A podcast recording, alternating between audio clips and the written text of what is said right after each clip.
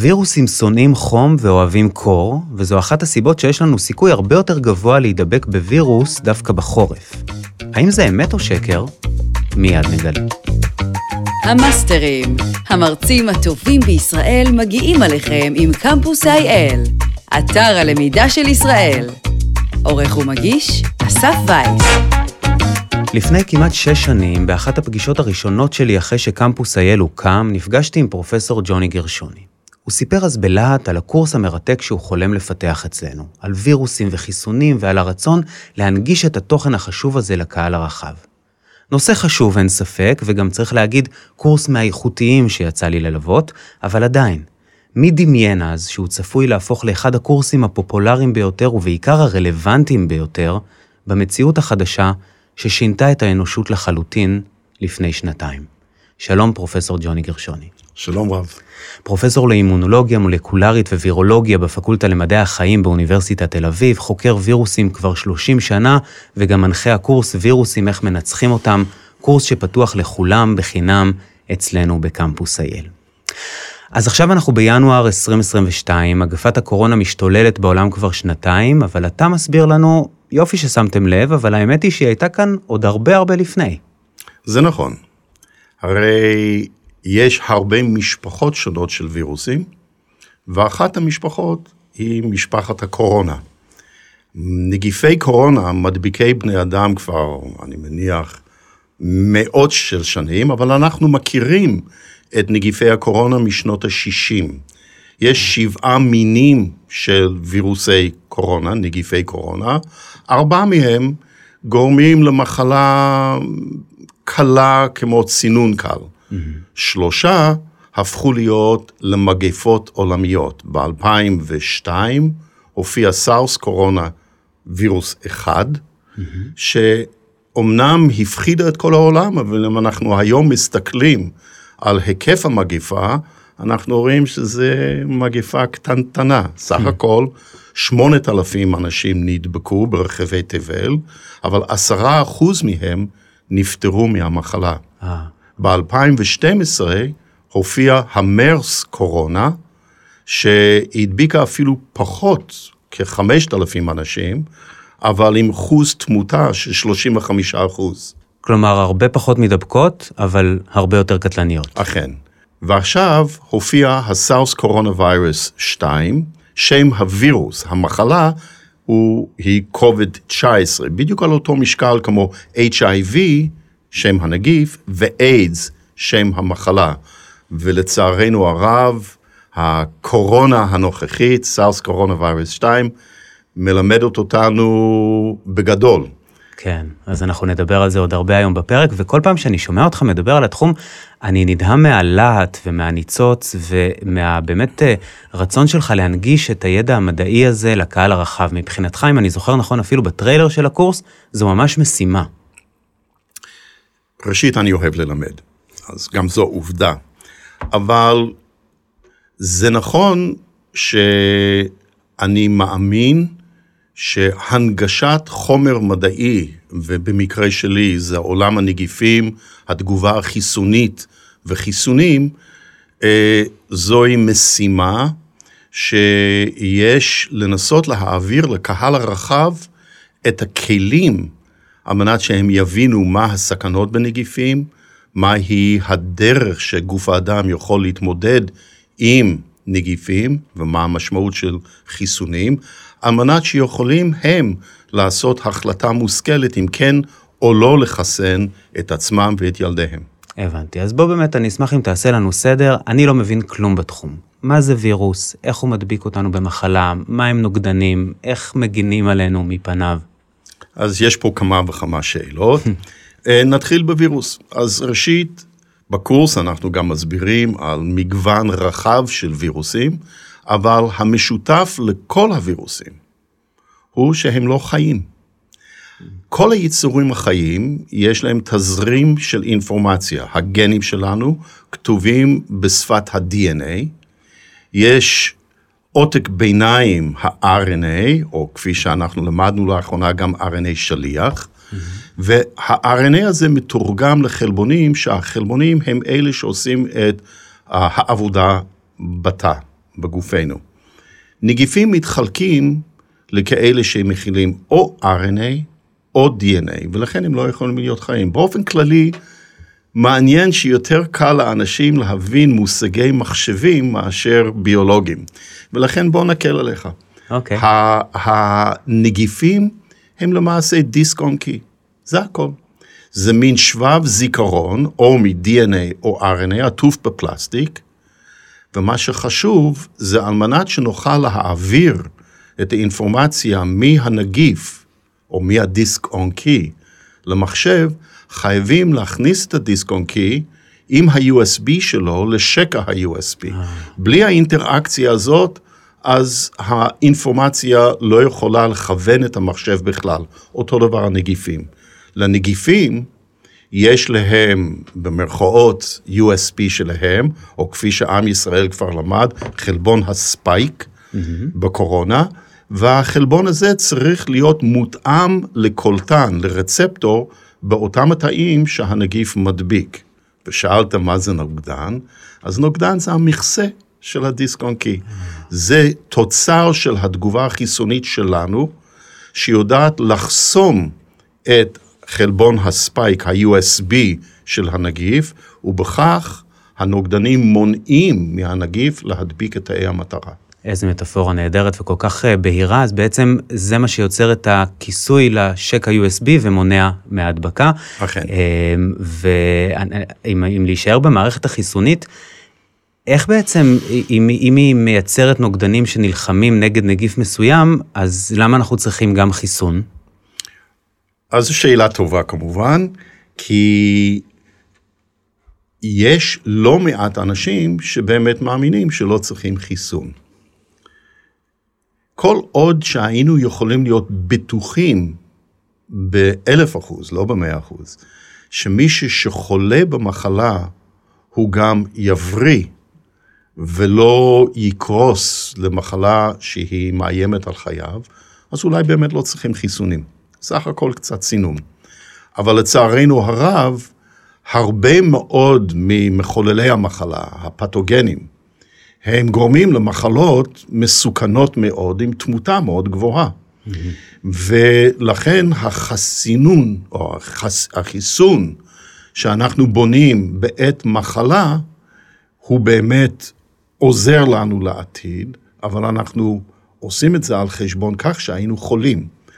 החיסונים הם כלי שמאפשרת לנו לאמן, לעשות טירונות למערכת החיסון, לאמן את מערכת החיסון, ללמוד איך לפתח את ההגנה הזאת על וירוס או על חיסון דמה, mm-hmm. ולהפקיד זיכרון חיסוני, שזה הדבר הכי חשוב. כך שאם במקרה אני פוגש את הווירוס, את הפתוגן האלים האמיתי בעתיד, אני יכול לגייס את כוחות הזיכרון, את כוחות המילואים של מערכת החיסון ולהרים תגובה אפקטיבית ויעילה על מנת או למנוע הדבקה, או לפחות למנוע מחלה קשה.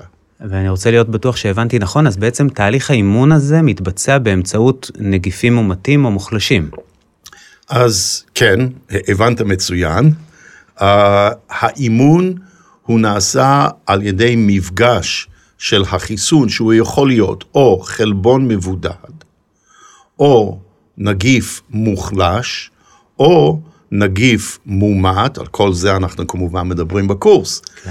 ואנחנו לאחרונה, אה, למעשה נחשפנו לגרסה חדשנית מסוימת עם חיסוני מודרנה ופייזר, שנוכל לדבר על זה בהמשך. כן, ואז באמת אני רוצה להוסיף פה לדיון עוד מושג, מילה חדשה שלמדנו לאחרונה, וריאנט. מה זה בעצם? וריאנט, בסופו של דבר זו מוטציה. למען הרלוונטיות, אני אתייחס לקורונה, אז הגנום, כלל הגנים של הנגיף הזה, הם כתובים ב-30 אלף אותיות של RNA. ובכל פעם שהנגיף משתכפל, יש סיכוי שתיפול טעות כתיב פה ושם, טעות הדפסה. זו מוטציה. עכשיו, ככל שיש יותר אנשים מודבקים ויותר שכפולי הנגיף, כן יש יותר סיכויים לצבור יותר ויותר מוטציות. עכשיו, חלק מהמוטציות יכולות להיות קטסטרופליות לנגיף, ומונעות מהנגיף להתפתח הלאה. אבל פה ושם, אולי בנדירות מסוימת, ישנן מוטציות שמשדרגות במידה מסוימת את הנגיף והופכות את הנגיף ליותר יעיל. אנחנו צריכים לזכור שהנגיף המקורי הגיע מעולם החי, אם במקרה אנחנו מדברים בקורונה. כן. ולכן אם אנחנו צוברים מוטציות, לאט לאט הנגיף יכול לעבור שינוי שהוא יהיה יותר יעיל בהדבקת בני אדם, וזאת תהיה וריאנט יותר יעיל. הבנתי, אבל אז אם הווריאנט נהיה יותר יעיל, אז מה זה בעצם אומר שהחיסון עצמו לא יעיל לאורך זמן? ייתכן, כלומר, אני לא רוצה ככה לצייר הכל תמונה ורודה ואנחנו יודעים הכל, לא יודעים הכל וגם כן לא הכל ורוד. ככל שיש יותר שינויים והבדל במבנה הנגיף הווריאנטי לעומת הנגיף המקורי, ייתכן מאוד שהתגובה החיסונית המקורית היא תהיה פחות יעילה בלזהות את הנגיף הווריאנטי. אבל פה שוב בואו ניקח את חיי היום-יום שלנו. אנחנו במהלך השנתיים האלה למדנו לעטות מסכות. Mm-hmm. ועובדה שאנחנו מזהים בקלי קלות את בני המשפחה והחברים והאחרים, גם כאשר הם עוטים מסכה, כלומר ש-50 אחוז מפרטי הפנים הם מוסתרים. ובכל זאת אנחנו מזהים. כלומר, שהיכולת שלנו ל-facial recognition, זה כמובן יכול להיות מושתת על כמה פרטים בודדים, וזה מספיק. אותו הדבר במערכת החיסון. אם ישנו נגיף וריאנטי, ויש לו שינויים אמיתיים, אבל יש מספיק אזורים שהם נשארים ללא שינוי, mm-hmm. מערכת החיסון המקורית, היא יכולה עדיין לזהות אולי ביעילות פחותה, אבל לזהות גם את הדלתא וגם את האומיקרון ולספק הגנה מסוימת. הבנתי. ואז אה, כשאנחנו מדברים על חיסונים, אה, עולה לי לראש ישר חששות. אה, לי יש שלושה ילדים מחוסנים. בן 13 כבר חודשים, ובזמן האחרון גם בת 10 ובן 7, ואני מודה שבשונה מהרגע שבו אני אישית התחסנתי, כשלקחתי את הילדים שלי, היה לי פיק ברכיים. מה תגיד לאנשים שחוששים שזו טכנולוגיה מאוד חדשה, ושאולי המחקר עדיין לא מספיק בדק מה השפעות ארוכות הטווח, ובגרסה החריפה יותר של הביטוי, אפילו טוענים בבוטות שאנחנו כופים על הילדים שלנו ניסוי המוני? אז ראשית, צריכים ללמוד מהניסיון, דווקא מחיסוני ילדים. אם אנחנו בוחנים בקפדנות מאוד גדולה, האם ישנם אי, אילו מקרים, איזה שהן תופעות לוואי ארוכות טווח לאיזשהו חיסון, חצבת, חזרת, שפעת, פשוט אין. אין. אני לאחרונה, ובמסגרת הקורס גם נדבר על זה, ראיינתי את uh, טוני פאוצ'י, יועץ נשיא ארצות הברית בענייני קורונה, ושאלתי אותו בדיוק את השאלה הזאת, אנא, טוני, תגיד לי, יש לפחות דוגמה אחת של חיסון סטנדרטי, שגרה, שיש לו תופעות לוואי ארוכות טווח. הוא אמר שפשוט אין. אבל בואו נתייחס נקודתית לגבי הטכנולוגיה החדשה של חיסוני הקורונה, של פייזר ומודרנה.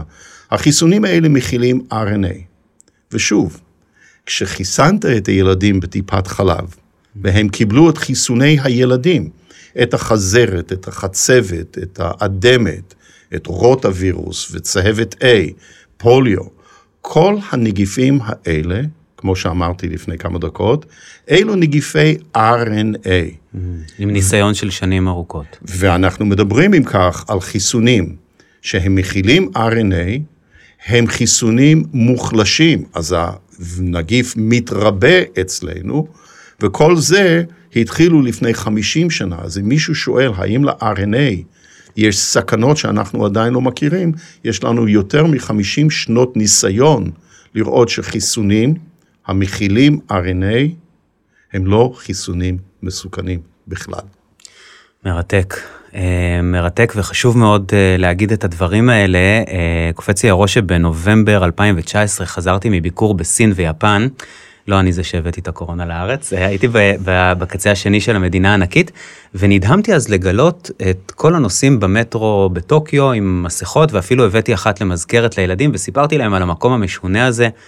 מי האמין אז שתוך כמה חודשים כל העולם ייראה ככה? וזה מזכיר לי שבקורס אתה נותן דוגמאות למגפות שהתחוללו בעולם ואיך התמודדנו איתן.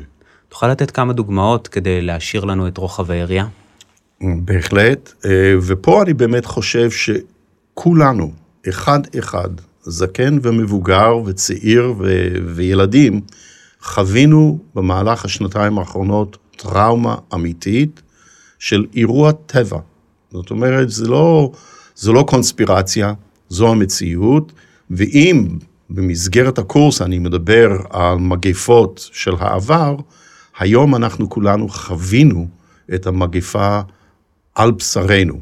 וראינו הרבה דברים. אני מסכים איתך לחלוטין שהטיולים במזרח תמיד גם הפתיעו אותי על איזה מין אנשים היפוכונדרים שכולם מסתובבים עם מסכות, והמציאות היא שזו תרבות אחרת, אבל אנחנו למדנו כמה וכמה שיעורים במסגרת המגיפה הנוכחית. א', שעטיית מסכות בהחלט היא עוזרת מאוד במניעת פיזור המגיפה והנגיף. אנחנו למדנו על שימור של אה, מרחק בין אנשים. אני זוכר שכאשר נניח אני הייתי מחכה למעלית והדלת נפתחה, או נפתחת ורואים חבר'ה דחוסים, אני הייתי בעבר, לפני שנתיים, אומר חכו רגע ונדחס פנימה בכוח.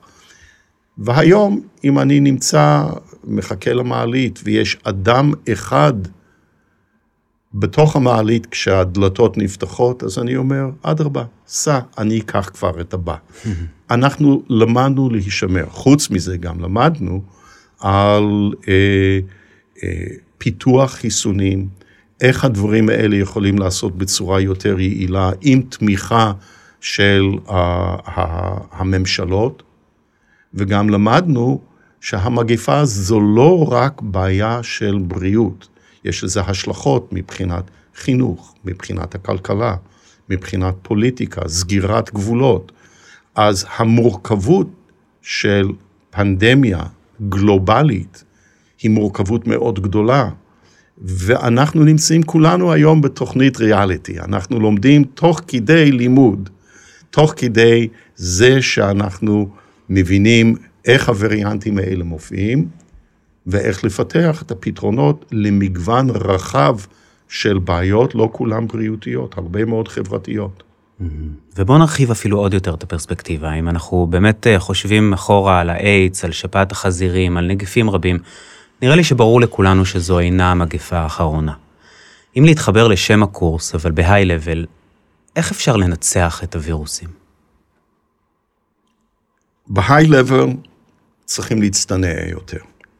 ולא צריכים לנצח אותם. יש בהיסטוריה, ודווקא דיברנו על זה בקורס, על כך שכן עשו, uh, הצלחנו לבאר ביאור של מחלה אחת, הבעבועות השחורות. אנחנו, כלומר, העולם המדעי. Uh, האם אנחנו נצליח לנצח את קורונה? התשובה היא, אנחנו נלמד לחיות בהרמוניה עם קורונה.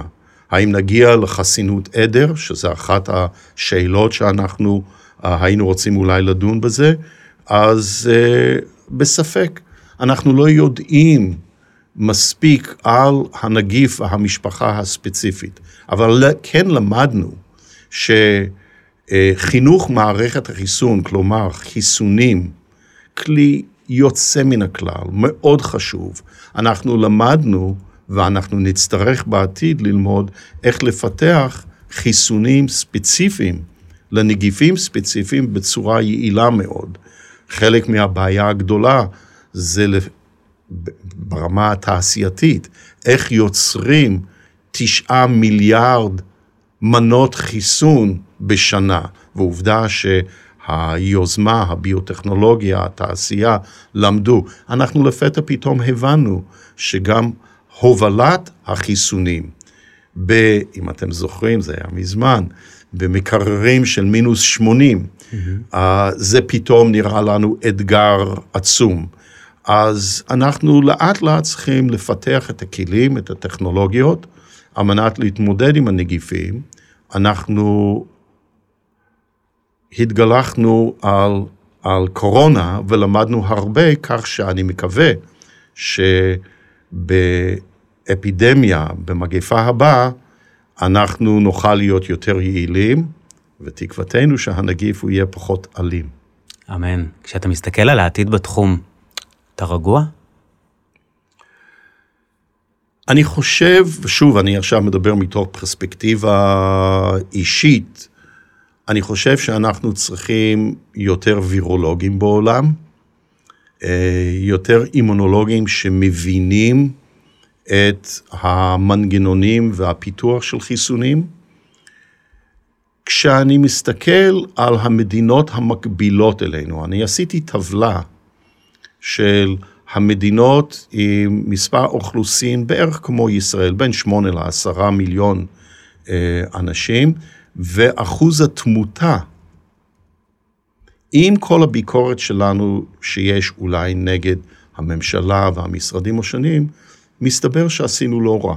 אנחנו מדורגים כמספר המתים פר אוכלוסין, או הנמוך ביותר, נדמה לי שבלרוס אולי בטיפה פחות מאיתנו, אבל כל המדינות באירופה, ואני לא מדבר על מדינות כבר כמו ארצות הברית, ששם המצב הוא קטסטרופלי, ובאנגליה וכולי. אז בגדול, אני חושב שיש לנו הרבה מה לשפר, אבל בסך הכל עשינו לא רע. איזה יופי. תראה, זו שיחה מרתקת, ואנחנו ממש ממש על קצה המזלג. אני כן אשמח לשמוע ממך מילה על הקורס עצמו. אה, קורס חדשני, קורס איכותי, וגם אה, צריך להגיד, כולל לא מעט אורחים, כמה מהם חתני פרס נובל. אז ראשית, אני צריך פה את, ה, את הפלאג שלי, אה, להודות לטאו אונליין, היחידה של אוניברסיטת תל אביב שפיתחו את הקורס. לי הייתה זכות מאוד גדולה. א', נהניתי משהו בגדול. עצם החוויה בלפתח את הקורס, אבל גם זה גורם לסיפוק גדול, שאני מצליח אה, באמצעות כמה שיעורים אה, להעביר חומר שלפי דעתי הוא מאוד חשוב לציבור הרחב. אה, כן, אני גם אירחתי כמה וכמה מדענים גדולים, תשעה מדענים המובילים בעולם, חמישה מהם חתני פרס נובל, והכל נעשה בגובה העיניים. אנחנו כולנו דיברנו, דיוויד וונקי וג'וני ושם ראשון, בלי פרופסורה, וניסינו גם כן, מבלי לעשות זילות של החומר, לדבר בגובה העיניים, לנסות לתת את עיקרי התכנים, המדע, שהוא יהיה מדויק, הוא גם יהיה ישים לנושאים אחרים, לא הכל זה וירוסים, יש גם חיידקים ופטריות, אה, אבל בגדול הקורס הוא מדבר אל הקהל הרחב, זה לא קורס לביולוגים הארדקור, אה, ולכן אני חושב שהוא עשוי לעזור לאנשים שמתלבטים, שבשנתיים האחרונות כולנו הבנו שאלו שאלות מרכזיות בחיים שלנו, איך מתמודדים עם נגיפים. אז אני גם uh, אמליץ בחום ואספר שיש לקורס גם גרסה באנגלית בפלטפורמה הבינלאומית, ואנחנו שומעים מהשותפים שלנו בבוסטון עד כמה הוא מצליח, בייחוד בשנתיים האחרונות. יש לנו עוד חוב מההתחלה עם האמת ושקר, אבל לפני כן נזכיר שבאמת כל מה שדיברנו זה רק הצצה קצרה, טעימה קטנה מהקורס העשיר והמקיף וירוסים, איך מנצחים אותם, של אוניברסיטת תל אביב. מעל 50 אלף רשומים לקורס, והוא כמובן פתוח לכולם בחינם על קמפוס IL, אתר הלמידה של ישראל, בהובלת מטה ישראל דיגיטלית במשרד הכלכלה והתעשייה והמועצה להשכלה גבוהה. יותר מחצי מיליון לומדים כבר נהנים ממאות קורסים בחינם, והכל בזמן, במקום ובקצב שלהם. אתם מוזמנים להיכנס לקמפוס.gov.il. נגיד גם תודה רבה לאמיר גרון, שמוביל את הפרויקט הנהדר הזה, וגם לארנון פרידמן, דנית בן ארי ונילי וייס. ואם אתם רוצים לקבל התראות על פרקים חדשים של הפודקאסט, מוזמנים לעקוב, וכמובן גם לדרג ולשתף. ובכן, נחזור להתחלה. האם וירוסים שונאים חום ואוהבים קור? שאלה מעניינת. uh, המציאות היא שכשאנחנו מדברים גנרית וירוסים, זה כמו לדבר על בני אדם. יש הרבה גיוון, יש אפילו וריאנטים, ולכן כשם שיש בני אדם שאוהבים את הקיץ וכאלה שמעדיפים את החורף, ככה גם נגיפים. אנחנו מכירים שהשפעת היא uh, מחלה עם וירוס שמצליחה המחלה הזאת יותר בחורף, יותר יבש, יותר קר, אבל לעומת זאת מחלות מעיים, כמו הפוליו והרבה מאוד וירוסים אחרים, שגם הם גורמים למחלה אה, נשימתית, אה, דווקא מעדיפים את הקיץ. ובכלל אנחנו צריכים להבין שגם ההתנהגות שלנו בחורף היא קצת יותר גורמת לתחלואה יותר גבוהה, אנחנו יושבים יותר בחדרים סגורים, פחות אה, אוורור, פחות שמש, פחות ויטמין D, ולכן התשובה היא מגוונת. יש הרבה וירוסים, כאלה שמעדיפים את החורף, כאלה את הקיץ, ואל תשכחו, אם אתם עושים חופשה בקיץ ונוסעים לדרום אפריקה, אתם למעשה נחשפים לחורף. כן, בחצי הכדור הדרומי. לסיום, השאלה הקבועה, נשמח אם תשתף אותנו במשהו שלמדת לאחרונה, ואולי דווקא אפילו לא בתחום העיסוק שלך. אז כמובן שזה צומח מהעיסוק שלי. במהלך השנתיים אני נתבקשתי להתראיין אה, ברוב הרשתות, בעיתונות, בטלוויזיה. חוויה גדולה ומעניינת מאוד. אה, אבל פן שאולי היא קצת פחות אופטימית, זה התגובה ברשתות החברתיות. אני למדתי שיעור שאין לקרוא את התגובות. כי לצערי הרב, אנשים בקלי קלות, הם מגיבים בפייק ניוז, מיס-אינפורמציה, אה, באגרסיביות ובוטות, ואני כבר ילד גדול, אני מתמודד ופשוט פחות קורא, אבל זה מאוד מאוד מקשה ומכביד על הניסיון כן לספק לציבור שזכאי לאינפורמציה מהימנה, אה, לספק את האינפורמציה, כי הכל נעשה ויכוח סוער, ובדרך כלל לא מבוסס כלל. אה, וזה שיעור קשה שלמדתי. בהחלט. מזכיר לי, יש לנו פרק אחר בפודקאסט עם פרופסור איילת ברם צברי מהטכניון על קורס תקשורת המדע. אנחנו עוסקים בין היתר בנושאים האלה. נראה לי שקשה להפריז בחשיבות של אה, הנגשת עולם התוכן הזה לקהל הרחב. ג'וני, היה מרתק, תודה רבה לך. תמיד בכיף. המאסטרים, המרצים הטובים בישראל מגיעים עליכם עם קמפוס IL, אתר הלמידה של ישראל. עורך ומגיש, אסף וייס.